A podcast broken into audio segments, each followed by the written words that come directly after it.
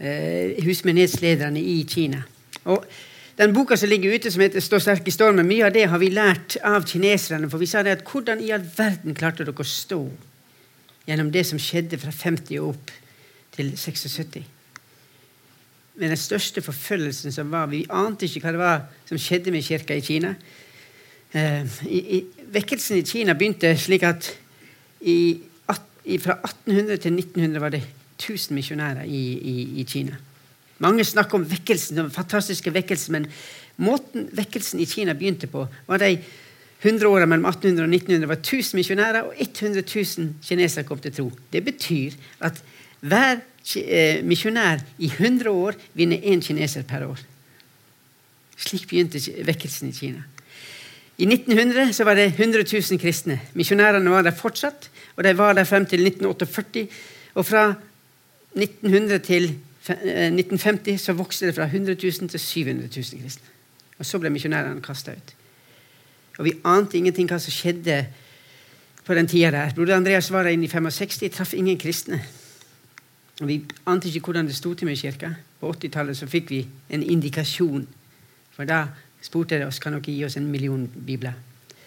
Men i hvert fall vekkelsen fra 1950 og opp gikk fra 700 000 til 70 millioner på 50 år. Og Vi lurte på hvor i all verden klarte de kristne å overleve oppi dette. her. Når vi begynte å høre og begynte å samle inn materiellet, så har vi sett et vi har sagt at dette kan vi bruke over hele verden. og Vi har brukt det som grunnlag, og så har vi tatt fra andre eh, plasser òg. Men det, eh, Ron Boyt McMillan, som, skrevet, som er en av lederne våre, han reiste inn til Kina. og Han var i samtale med Wang Mingdao. Han var over 90 år da. Og da han var 60 år, så sier han jeg var på toppen av min styrke. Jeg var på toppen av min styrke, sier han. Jeg er 63 år, og jeg vet ikke om jeg kan si at jeg er på toppen av min styrke. Men han sa at jeg var på toppen av min styrke. Jeg skulle skrive bøker, jeg skulle reise over hele Kina, jeg skulle forkynne Guds ord. Da ble jeg arrestert. Så ble jeg kastet inn i en fengselscelle. I 23 år satt han inne. Og flere av de årene satt han i enecelle. Eneste, eneste, hendene, eneste han så av et menneske, var hendene som dytta inn maten til ham. Når han kom ut av fengselet så kom han, kom han, ut som en sterkere kristen enn da han gikk inn. Og eh, Ron, når han traff han, det var det spørsmålet han hadde. liksom, Hva kan de troserfaring lære meg som kristen? Og Han satt og snakket, han fikk tre møter med han før han døde. Og et av spørsmålet, første spørsmålet eh, som Wang Mingdao stiller til Ron Ron han er en uh, universitetsutdannet teolog, tatt doktorgrad. Så sier han, si meg, unge mann, hvordan vandrer du med Gud? Ron har begynt å ramse opp. Ja, jeg, ber, eh, jeg leser min bibel hver dag. Jeg har ei bønnegruppe. Jeg eh, studerer. Og, og, så, og, så, ramser han opp hva han driver på med, så sier han feil svar. Feil svar. Hvordan vandrer du med Gud? Ron sier, ser på han, så sier han jeg vet at du har hatt et vanskelig liv, men hvordan kan ditt liv lære meg noe? Og Så sier han det at jeg ble tvunget inn i ei celle i mer enn 20 år. Du som lever i den frie verden, du må òg lage deg selv at dere har det så travelt i deres verden at dere har ikke tid å bli kjent med Gud. Det er den verden dere lever i. Og han sa det at Derfor må du bygge deg ei celle og, og gjøre det samme for deg sjøl som forfølgelsen gjorde for meg du må gjøre livet ditt enklere og bli kjent med Gud. Og Han sa det at jeg hadde et travelt liv før, men når jeg kom inn i fengselscella, så hadde jeg ingenting annet å gjøre. Jeg hadde ikke min egen bibel. Jeg hadde bare de bibelversene jeg hadde lært utenat. Og det var heldigvis mange, sa han. Og jeg, første tida der jeg var knust. Fordi at jeg hadde ingen oppgave å gjøre for Herren. Men etter hvert så begynte jeg å sette pris på det. For der i fengsel så opplevde jeg at Gud elska meg akkurat slik som jeg var. Jeg behøvde ikke prestere noen ting for han. Han sa det var ikke annet for meg enn å der, bare være der og lære Gud å kjenne. Og så sier han, og jeg fikk lov å oppleve det fantastiske forholdet i mer enn 20 år. Men veien dit gikk gjennom cella. Og så utfordrer han, og så sier han, du, hvordan lever du livet ditt? Og han fortsatte samtalene med han, og han sier at han, han, På et tidspunkt så sier han Gud elsker hagen sin. Og det forsto ikke Ron. Hva er det du mener? Han turte heller ikke å stille spørsmål om, det, for han ga aldri svar på det. Midt oppi den samtalen så sier bare Wang Mingdam at Gud elsker hagen sin. Og Ron tenkte hva er det han mener, og så begynner han å tenke på er, hvor i Bibelen finner vi dette her med hage. Og Det er jo i første Mosebok. Adam var satt til å dyrke og vokte hagen. Og Så står det òg at hver aftenstund vandra Gud i hagen. Og når Gud vandra i hagen, da arbeidet ikke Adam. Da gikk han sammen med Gud. Og dere vet, Når, når syndefallet kommer, så hører de Gud kommer. Og Før så hadde de sikkert sprunget imot ham, men akkurat den dagen så gjemte de seg.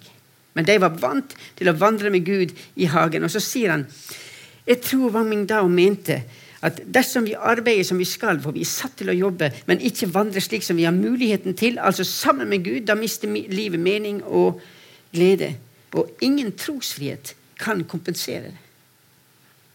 Hvis vi arbeider som vi må, for vi er satt til å arbeide, men ikke benytter oss av muligheten til å vandre sammen med Gud, så mister vi dere. Om dere har aldri så mye frihet, så kan ikke det kompensere det fellesskapet som vi kan ha med Gud. For hvis vi i vår travelhet glemmer å vandre med Gud, og hvordan vandrer vi med Gud Denne boka her, her har Gud åpenbart sin vilje for oss. Og Broder Andreas han, han utfordrer oss i Åpne dører. Han sa at vi må ikke være så opptatt av å, å, bringe og smugle Bibler inn til alle andre, men vi må la Bibelen få lov å forandre oss. Hvordan kan vi forvente at Gud skal bruke oss hvis ikke vi kjenner Hans ord? Her har han åpenbart sin vilje.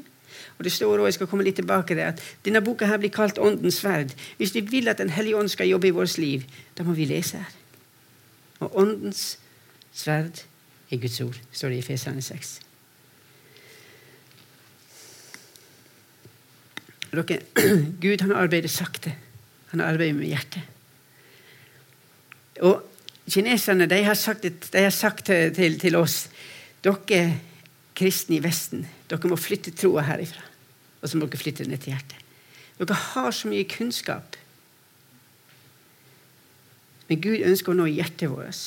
Jeg skal komme litt tilbake til det. Men jeg, jeg har nettopp eh, jeg har vært rundt på, på, på hver eneste helg nå i hele november. og Det som jeg har talt om, er at vi tror at de forfulgte trenger vår hjelp. Nei, trenger Guds hjelp mye mer enn oss. Men dere, vi har den samme fienden. Dere, han er livsfarlig.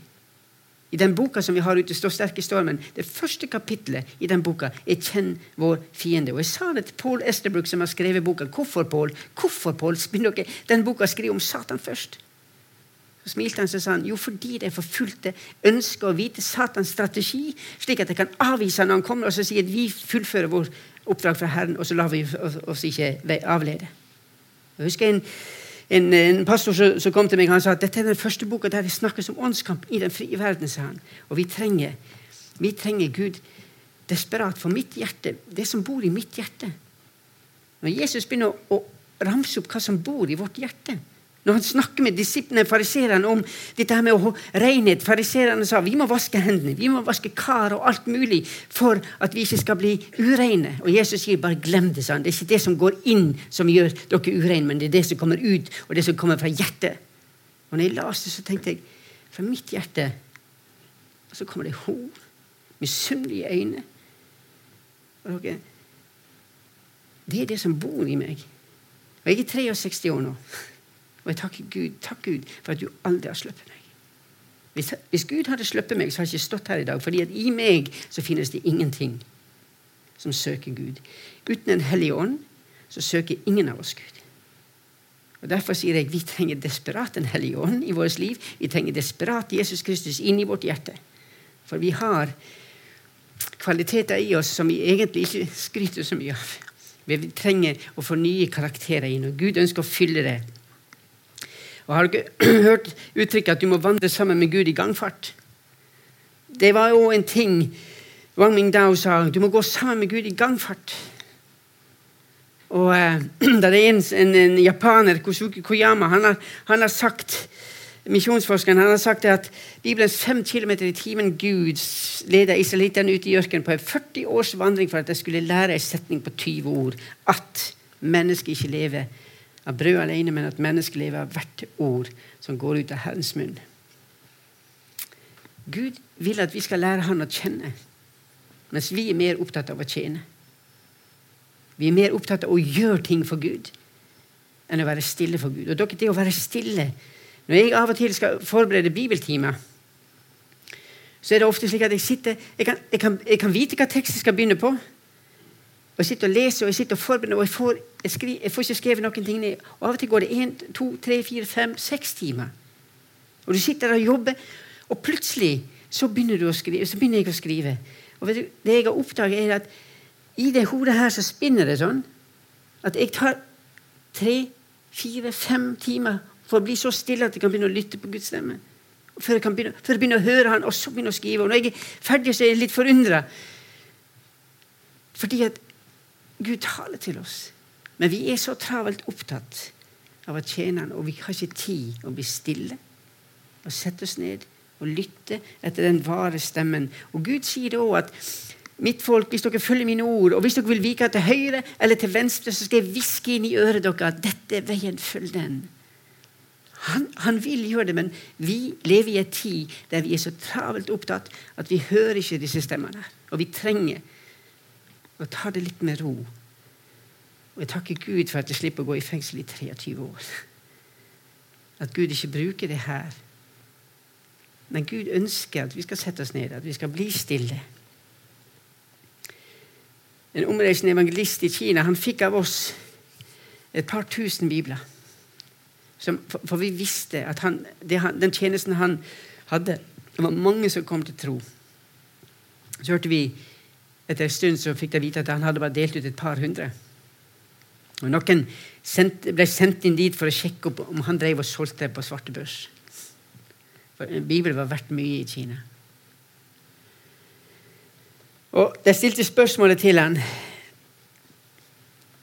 Stemmer det at du bare har delt ut 200? Ja, det stemmer, sa han. Og så sier han følgende her at jeg oppdaga at det er farlig å lære sannheten så raskt at vi ikke får tid til å lære denne sannheten i praksis. Og jeg sa, hva mener du nå?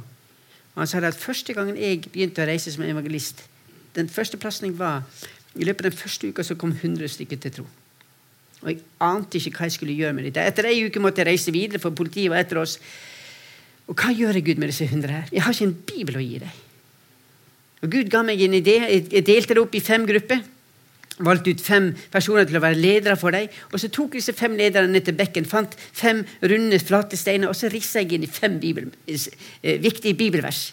Ett et bibelvers på hver, hver stein. Så sa jeg til dem at nå tar dere disse bibelsteinene her, og så gir dere det til én i gruppa. Han skal ha det bibelverset ei uke, og han skal, han skal memorere det. Han skal eh, grunne på det, han skal tenke på det, og han skal la Den hellige ånd jobbe med han i, i, i, løpet av den uka. Han skal ha med seg stein overalt. Når han sover, skal han ligge under hovedputa. Når han er på jobb, så skal han ha med seg, og han skal bruke dette. Og Når han kommer tilbake til gruppa, så skal han dele hva Gud har snakka til han. Og Så lenge han snakker, så er det ingen andre som snakker. Og Når han er ferdig, så deler han den steinen videre. Og Jeg kommer tilbake etter så så lang tid, men det gikk jo mye lengre tid enn et halvt år. Han var veldig spent når han kom tilbake, og han kommer tilbake, så ser han at nesten alle var blitt bevart.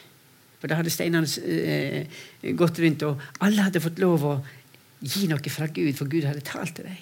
Og så sier han det at det som står her, at jeg oppdager at det er farlig å lære sannheten så raskt at vi ikke får tid til å lære praksisen i sannhet. Jeg vil ikke at jeg skal lære for raskt, ellers vil jeg komme inn i den banen og ikke bruke det jeg har lært. Ett vers i uka er nok. Det sinker dem slik at hjertet får tid til å absorbere sannheten, og da blir tankene forandret. Jeg tenker på vår tid i dag. Vi tar ikke, ikke så mye tid til å meditere. Gud er mer interessert i hvor dypt sannheten får trenge inn i oss. Og Jesus, Når han ba for disiplene sine i Johannes 17, 17 så, han, så, så ber han for det. Hellige dem i sannheten. Ditt ord er sannhet. Og jeg tror Derfor jobber Satan overtid med at ikke vi skal lese denne boka. Jeg pleier også å si det til folk vær så snill, les. Les denne boka her fra perm til perm en gang i året. Jeg, glemmer aldri Jeg var hos eh, ungdomsgruppe og talte, og, og Der var en som var på møte, og så ringte han meg. Og så sier han i dag, Ole, er det ett år siden du har vært hos oss. Jeg husker ikke datoen. Jo, det er ett år, for i dag er jeg ferdig med Bibelen, sa han. Og Han begynte den dagen og han sa det er rett, Ole, det er fantastisk å kunne lese og bli kjent. Og du har rett, vi leser Bibelen igjennom hvis du leser 15 minutter per dag. 15 minutter per dag så leser du boka her fra perm til perm. Og det er 15 minutter, ca. 1% av 24 timer. Er du villig til å gi livet ditt en sjanse? Og la Gud tale til deg. Og som jeg sier, vår fiende er ikke politikere. Vår fiende er ikke muslimer. Vår fiende er ikke eh, eh, kommunister. Men vi har en kamp mot makt og mot myndigheter. Og dette er det eneste den fienden ikke kan stå seg mot. Og Det eneste vi kan avvæpne han med, er Guds ord. Og Gud ønsker å forandre oss. Hva er vårt kall som kristne, da? Hva er det vi kaller oss? Og jeg pleier å si at Når du spør folk, så er det veldig fort gjort at folk kommer med Matteus 28. Gå derfor ut. Det er vårt kall. Det er ikke, det er ikke vårt kall, det er, vår, det er vår befaling. Det er ikke et kall. Jesus sier 'gå derfor ut'. Han sier det er befaling til dere. Men vårt kall er først og fremst Vi er skapt til å ha fellesskap med Jesus Kristus og Gud, og deretter tjenesten for Gud. Og Hvis jeg skal definere hva er vårt kall som kristne i dag, da kommer jeg opp med første kor 1.9. Gud er trofast, Han som kaller oss til med samfunn med sin sønn Jesus Kristus. Det er vårt kall. Vi er kalt til å ha samfunn med Jesus. Og Da pleier jeg å si at, at uh, når vi har samfunn med Jesus, og vi lærer han å kjenne, da blir det en naturlig del. Frukta av vårt fellesskap med Jesus blir at da går vi ut.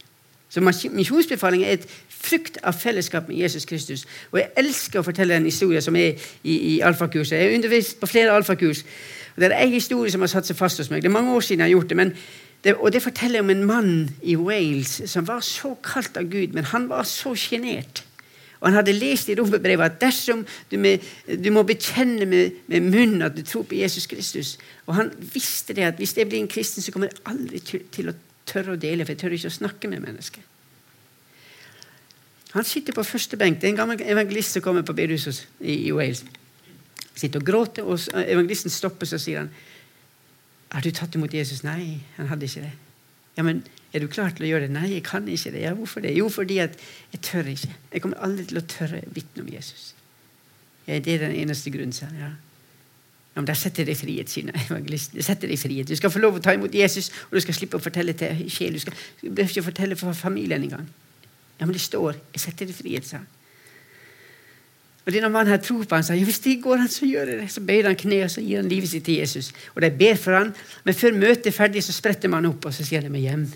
Og så, han, så går han hjem, og hjemme sitter familien ved kjøkkenbordet. Og De blir overraska når døra eh, ut i gangen smeller opp, og inn kommer en mann inn på kjøkkenet og sier han, vet dere hva, sa han, i dag har jeg gitt livet mitt til Jesus, og det er fint, jeg behøver ikke å fortelle til ikke sjel, sa Og jeg elsker den historien, fordi vi tror at vi må forandre oss, men i det øyeblikket Jesus kommer inn, og, og gjør sitt verk i vårt liv, da klarer du ikke å tie stille om det. Og jeg tror, Derfor sier jeg at misjonsbefaling er en frukt av fellesskap med Jesus Kristus. At vi må ut, og vi må dele det. Men først og fremst, vi, vi, det fellesskapet med Jesus, han lengter etter det. Han lengter etter å få lov å dele ting, og få lov å slippe inn. Og få lov å skape den forvandlinga som eventuelt skal til. Og Guds ord, Han har gitt et enormt løfte med, med Guds ord. Johan, nei, Jesajas 55, 55 10, der står Gud har sagt at mitt ord Jeg kan lese fra, fra 10, så står det for, for som regnet kommer ned, og snøen kommer fra himmelen, og ikke vender tilbake dit, men vanner jorden og får den til å spire og gro. Slik skal mitt ord være, det som går ut av min munn, og det som vender aldri tomt tilbake til meg før det har fullført det jeg vil. Guds ord har et enormt løfte. Og I vers 13 så står det istedenfor tornekratt skal det vokse opp sypresser. Og det er en nesler, skal det vokse opp myrter. Jeg har tornekratt i mitt liv. Men Gud kan forvandle det. Det står at han skal forvandle tornekrattet til sypress og nesle. Så skal han forandre til myrk. Og det blir til en, en sypress når du går forbi det, så i hvert fall i Afrika I Norge er det små potteplanter, men i Afrika er det noe mer. Du blir ødelagt hvis du går gjennom et tornekratt, hvis du overlever det. Men sypress er fantastisk å se til glede for andre. Og det, Gud ønsker å skape vårt liv til det. Jeg toucher bare innpå noe av dette. Det, det, jeg snakker om nå, er nok til bibeltimer på, på, på, på, en kveld. Men jeg har lyst til å gå litt videre. Hva advarsel fra de forfulgte har du og jeg? Har vi problem nok? Har vi problem for Jesus skyld, har vi nok av de problemene. De første kristne, sier William Barclay, hadde tre spesielle karakteristikker. De var utrolig lykkelige, de var fylt av en utrolig kjærlighet til alle, og de var i konstant trøbbel. Det var i konstant trøbbel. Og Det var en som sa det til broder Andreas at, i Amerika, at vår menighet er som den første menigheten i apostlenes gjerninger. Å, sa broder Andreas. Ja, fordi det står der at det var godt likt av alle. Så sa broder Andreas, forfølges dere? Nei, ja, men da må ikke dere sammenligne dere med, første, første, med apostlenes gjerninger. For bare noen få kapittel uti, når mange kommer til tro det står at det begynner med 3000, liten stund etterpå er det 5000, og så begynner bråket. For når mennesker får en eh, relasjon med Jesus, da får vi bråk. Når mennesker kommer ut og sier at 'jeg tror', og jeg velger å stå på denne boka her, vet dere hva, da blir det bråk, til og med i Norge. Men Gud han er en fantastisk trofast Gud. Hvis han finner en menighet som står på hans ord, så åpner han dører som vi ikke trodde var mulig. Og jeg skal ta og dele det er i Egypt nå den filmen jeg skal vise til, eh, fra Egypt. I 2011 så begynte revolusjonen. Og frem til, frem til 2000, ja, i, i, dag så har de drevet og sprengt kirker der nede. Og Jeg var, hadde nettopp besøk av en god venn av meg som er i, i Egypt. Jeg var reist og, og oversatte med Han har malt et bilde om kirker som ble sprengt. Eh, mennesker ble, 28 menn som ble skutt i en buss. Og Det ble bare mørkere og mørkere, jo han delte. Og hvordan reagerte kirka? For det første, En norsk journalist var med oss der nede. Hun sa det at når hun hørte på den urettferdigheten som var i Egypt, det å leve som, som kristne De fikk ikke gode jobber, de fikk ikke ta topputdannelse. Så sa hun når skal dere kristne begynne å kreve rettferdighet her? Så så broder Michael på oss og sier han, hadde vi kristne krevd rettferdighet her, så hadde det vært borgerkrig i, i Egypt. Det er det de vil. Vi er ti millioner kristne. Men så sa han det er ikke tid å vise rettferdighet, men nå er det tid å vise kjærlighet. Og det velger tilgivelsen. De samla seg med et bønnemøte, de ortodokse, evangeliske, katolske. 70 000. Hva ba de om? De ba for sitt land. De ba om kraft og styrke til å kunne tilgi. Og den filmen som jeg skal vise dere her, det er en av lovsangene på, den, på det møtet. Og tenk på det, nå, Her er det mennesker som har opplevd De har mista sine kirkesprengt. Og det var en som sa det, dere kan brenne kirken vår, dere kan sprenge kirkene våre, men det er ikke det som er kirka. Kirka er vi. Og dere klarer aldri å skremme oss vekk. Vi vil alltid følge Jesus. Se på denne filmen.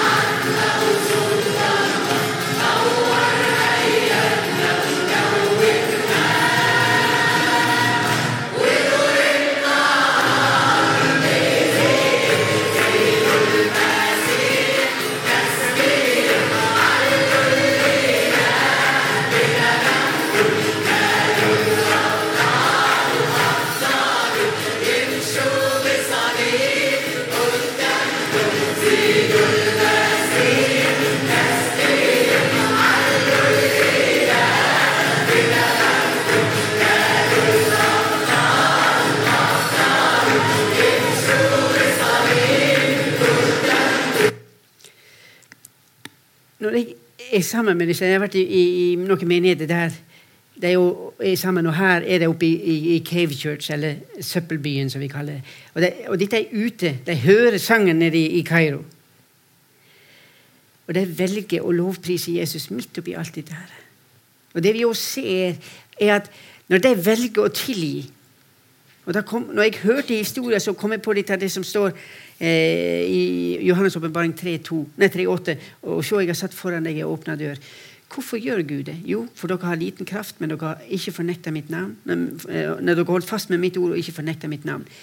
Det er grunnlaget for at Gud åpner dører. Det som skjer, er når de lovpriser Jesus, og de velger tilgivelsen, så åpner Gud dører som de ikke ante. To prester ble spurt det sprengte kirke på palmesøndag. Kirke, kristne kommer ut. De som mister sine, sier at vi tilgir. På første påskedag ei uke etterpå så er det en av de mest kjente tåkevertene i, i Egypt kaller inn to prester. Pastor som er, som er leder i evangeliske kirka i, i, i, i Kairo, Casarel Dubara heter kirka, og en av de ortodokse pastorene, så stiller han dem i to timer stiller han dem et spørsmål. Det, og det er den prime time på Kanal 1, muslimsk, altså Egypts eh, nasjonal-TV, og det stiller spørsmål hva er meninga med Jesu Kristi død på korset. Hva er meninga med at Jesus Kristus sto opp igjen? Og hva er meninga med at dere tilgir? Hvordan klarer dere det? I to timer blir evangeliet forkynt på nasjonal TV, og millioner av muslimer ser på. De kristne ville aldri ha fått det til om de hadde betalt 10 millioner kroner for å komme inn og kjøpe to timer på, på TV. De hadde ikke fått lov, men fordi de velger å tilgi og de velger å følge det Jesus sier i Matteus 5, så åpner det seg dør for dem som de aldri trodde. Fordi når Gud ser et folk som ønsker å stå på Hans ord, så åpner det dører. Fordi vi er inne i en åndskamp. Og Gud trenger og hatt folk som tør å stå. Jeg var sammen med pastor Jamal, som jobber i Bikadal, en, en, en IT-ingeniør som har ei kirke. Han begynte for noen år siden med en ti-tolv stykker. I dag har han en menighet med 2000. Og han sier hva Gud har gjort. Hadde jeg visst dette her for, for noen år siden, jeg aldri turt å begynne. Er en baptist, sa han. Vokste opp i baptist. Og, hva, og, og, når, og når disse flyktningene fra Syria begynte å komme til oss, så åpna vi kirka vår. Og når jeg begynte å spørre om forbønn, hva skulle jeg gjøre da? sa han. Jeg er baptist, legalistisk baptist. Jeg var ikke vant til å be for folk, sa han. Men jeg kalte sammen når jeg kom med, med, folk som var kreftsyke, muslimer sa at vi hører at dere kristne ber for, for, for, for syke i Jesu navn. Dere må be for kona mi som er kreftsyk. Og jeg sto der og var livredd. Hva kunne jeg gjøre? Sånn? Jeg kalte diakonene til oss, så la vi hendene på dem, og så ba vi dem. Og så helbreda Gud, sa han. Vi ble overraska. Men slik, slik har det gått frem. Og jeg sa det til han. Han sier at mange muslimer kommer fra Syria, og vi tar imot det. Så sier jeg til han Jamal, dere hater jo Syria. Syrerne, det Syria har gjort mot Libanon, som var et fantastisk land, det, det er forferdelig. Det sprengte statsministeren for noen år siden, Akiri, med 250 kilos bombe. Et helt kvartal forsvant. Og de, de, de hater han. Og så sier jeg dere som hater syrerne, dere tar imot dem. Så smiler han med det smilet som han har her, så sier han det. We love them, but we don't like them. og jeg, sa, og jeg stoppa. 'Unnskyld, hva du sier sa han. 'Hva du sier nå?' Så sa han, 'You don't have to like anybody to love them'. Og Når du ser på dette, så sier vi det er umulig. Men okay, når Jesus kommer inn, så kan vi si at ja, vi liker deg ikke, men vi elsker deg. Fordi Jesus elsker deg. Og jeg synes Det er fantastisk utsagn You don't have to like anybody to love them. Og Hvorfor det? Jo, fordi Jesus elsker deg. Sånn som Paul, som sier det at Gud skal jeg tåle denne julinga her. Ja, for jeg har et godt hjerte. Gud elsker deg. Og Det er det vi er kalt til. Vi er kalt til å elske fordi Jesus elsker. Jeg traff disse tre her. Jeg fikk ikke lov å ta bilde av dem foran, så jeg spurte kan jeg få lov å stå bak dere og ta bilde. Disse guttene her er topputdanna. Men de er topputdanna, og de er MBBs, som vi kaller MBBs. Muslim Background Believers. Barnabas som sitter til venstre, han sa at politiet har gitt meg opp. sa han. Jeg har sagt dere må slå meg i hjel hvis jeg skal slutte å fortelle om Jesus. Og de valgt å ikke gjøre det. Når jeg, vi satt og delte om livet vårt, så jeg sa at i Norge er vi litt forsiktige med å dele evangeliet til andre. Det er det jevne. Så sier han dette Jeg kan ikke forestille meg en himmel uten mine venner og min familie. Og det er vranglære for meg å ikke dele evangeliet med deg. Jeg kan ikke forestille meg en himmel uten mine naboer. Uten min familie. Det er det de lever for. Og jeg tenker på dette her, som står på slutten av, av eh, eh, første kor 13. der det står, Så blir det størst kjærligheten. Så blir det da stående tro, håp og kjærlighet. Og Det var en som sa tro for fortida vår. Vi tror på det som Gud har gjort. Håp for fremtida vår og kjærlighet for nåtid. Vi er kalt, og vi står, og vi skal vise Guds kjærlighet inn i dette her, eh, den verden hvor vi er kalt. Og egentlig er det, det jeg synes det er fantastisk å se det som skjer på mange bedehus, og det som også skjer når hva Gud gjør med ungdom i dag. Jeg var nettopp inne i, inne i Oslo for, eller for noen uker siden og talte på bibelkveld. Og i, i, I Oslo står studenter på liste for å få lov å komme på bibelkveld. Det er 500 stykker som kommer på Misjonssalen. Det er UiO i Oslo med, med Joakim Magnus. Og jeg fikk lov å komme dit en kveld og dele om, om Guds ord med dem. Og han sa folk står i kø for å få være med nå. Og jeg tror Gud reiser opp en ny generasjon. Og vi som er eldre, vi må be. Vi må be, si, takke Gud for den nye generasjonen, og vi må bakke det opp. Og jeg hører at Young Life er her, fantastisk. Og vi, Det er vår oppgave. Vi, vi, som er over 60, vi skal bakke det opp. Vi skal ikke reise på hytta. Vi skal bakke dem. Vi skal være de som er, og hjelpe dem frem. For de trenger oss. Vi tror, vi tror at den unge generasjonen behøver ikke oss Else, men den unge generasjonen roper etter oss. Jeg, på, jeg, et, jeg jobba i kirka når jeg var i, i, i Sirdal. Jobba med ungdomsarbeid, og jeg husker jeg hadde en ungdomsklubb der. Og Da var det en av de eldste i bygda i, i, på bedehuset som kom. Han var, ja, han var, han var godt opp i 70-åra, og han kom på ungdomskvelden. og Da var det en gutt som kom hjem. 'Vet du hva? I dag kommer Johnsen ned til oss.' Og satt, Vi satt og snakka med han, og det lyste av øynene på han. Og dere, disse ungdommene trenger at vi voksne kommer og, og er sammen med dem og, og, bryr oss. Og at de skal få lov å se. Jeg kan ikke forestille meg en himmel uten våre unger. Uten våre ungdommer. Og når jeg hører deg fortelle at det er mange som kommer til tro, så er det fantastisk å høre på. Og det er vranglære av oss over 60 år ikke deler evangeliet. Vi kan ikke overlate deg. Ja? Ja, jeg, jeg, vet du hva, Hvis jeg skal runde av Nå skal jeg hoppe For jeg har, jeg har mye jeg skal ta, Hvis jeg skal runde av, og, så har jeg lyst til å dele den med dere. For Kanskje dere sitter her nå og tenker som så Ja, hva med meg? Jeg, jeg, jeg er ikke sånn som Wang Mingdao. Jeg er ikke sånn som disse lederne. Jeg er ikke sånn som broder Andreas. Jeg, har ingen av de kvalitetene.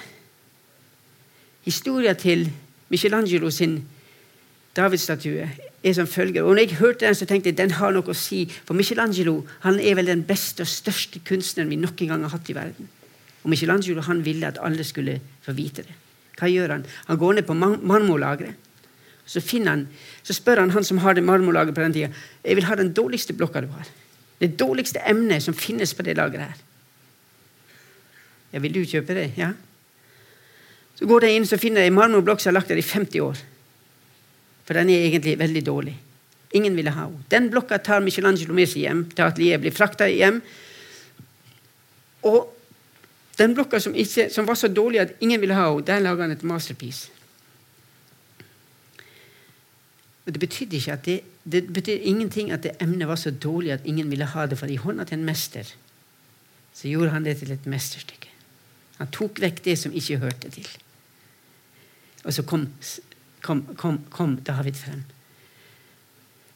Og du, Hvis du sitter her og sier at jeg, noe, jeg, jeg kan ikke noen ting Kanskje er du et dårlig emne, men i hendene til mesteren så er du et mesterstykke. Så får han ta vekk det som ikke hører til. Og så vil det mesterstykket komme frem når Gud får sin vilje og får lov å jobbe med ditt hjerte gjennom Jesus Kristus som sier Og se, jeg står for døra og banker. Johannes' åpenbaring 3,8. Nei, 3,20. Og så jeg står for døra og banker, og hvis noen hører min røst og lukker opp, så skal jeg komme inn. Og Det er nesten utrolig at Jesus sier det, fordi han snakker til sin menighet der. Hvis du leser, så er det ikke til de hedningene han snakker, det er sin menighet. Laudikea. Og så, jeg står for døra og banker, og, og hvis du hører min røst, så skal jeg komme inn. Og Jeg sa det til Gud. Jeg trodde jeg hadde sluppet deg inn når jeg var i 1970. Da jeg var 14 år. Så sier Jesus ja, men Ole, slipper du meg inn når du er såra, når du er sint? Slipper du meg i dag? Jeg trenger å få slippe inn hver dag. Jesus, vi må åpne for Jesus hver dag og slippe han inn. Og så får han skape forvandling, da. Hvis det skal til. Så får han ta vekk det som ikke hører til. Og så vil jeg avslutte med Markus, jeg tror det er Matteus 13, eller Markus 13, der det står om perler. At Guds rike er sammenligna med en kjøpmann som reiste rundt og lette etter vakre perler. Så fant han ei vakker perle, så gikk han bort og solgte alt og kjøpte den. I Norge så blir, Veldig ofte har jeg hørt den utlagt at Jesus er perla, og vi må selge alt. Og det er jo mot alt som hører i vårt liv. Skal jeg selge alt? Men det er ikke jeg som er kjøpmann, men det er Jesus. Og du er perla. Du er den vakreste. Og han gikk bort og solgte alt for å få lov å eie deg. Få lov å eie deg. Han har gitt alt. Og du er den vakreste perla. Det finnes bare én som du. Og bare du kan fylle din plass. Og Gud har en plan med ditt liv som bare du kan fylle sammen med Han. Og Det ønsker å være avslutningen. Det kunne vært altså, Det er mye mer, men dere, Gud han lengter etter å få et fellesskap sammen med oss. Og eh, Vi lever i en verden der for, ikke forfølgelse men vi lever i en verden der forførelse. Forførelsen sier jeg, er farligere. Satan har to strategier. Forførelse eller forfølgelse. Og der forførelsen fører frem, kommer ikke forfølgelsen. Har Gud virkelig sagt, sier, Gud, sier Satan i første Mosebok. Har Gud virkelig sagt? Og Det er det store spørsmålet i dag. Sier, Gud, sier, sier Guds ord virkelig det? Dere, vi kommer til å møte problem hvis vi stiller oss på denne boka.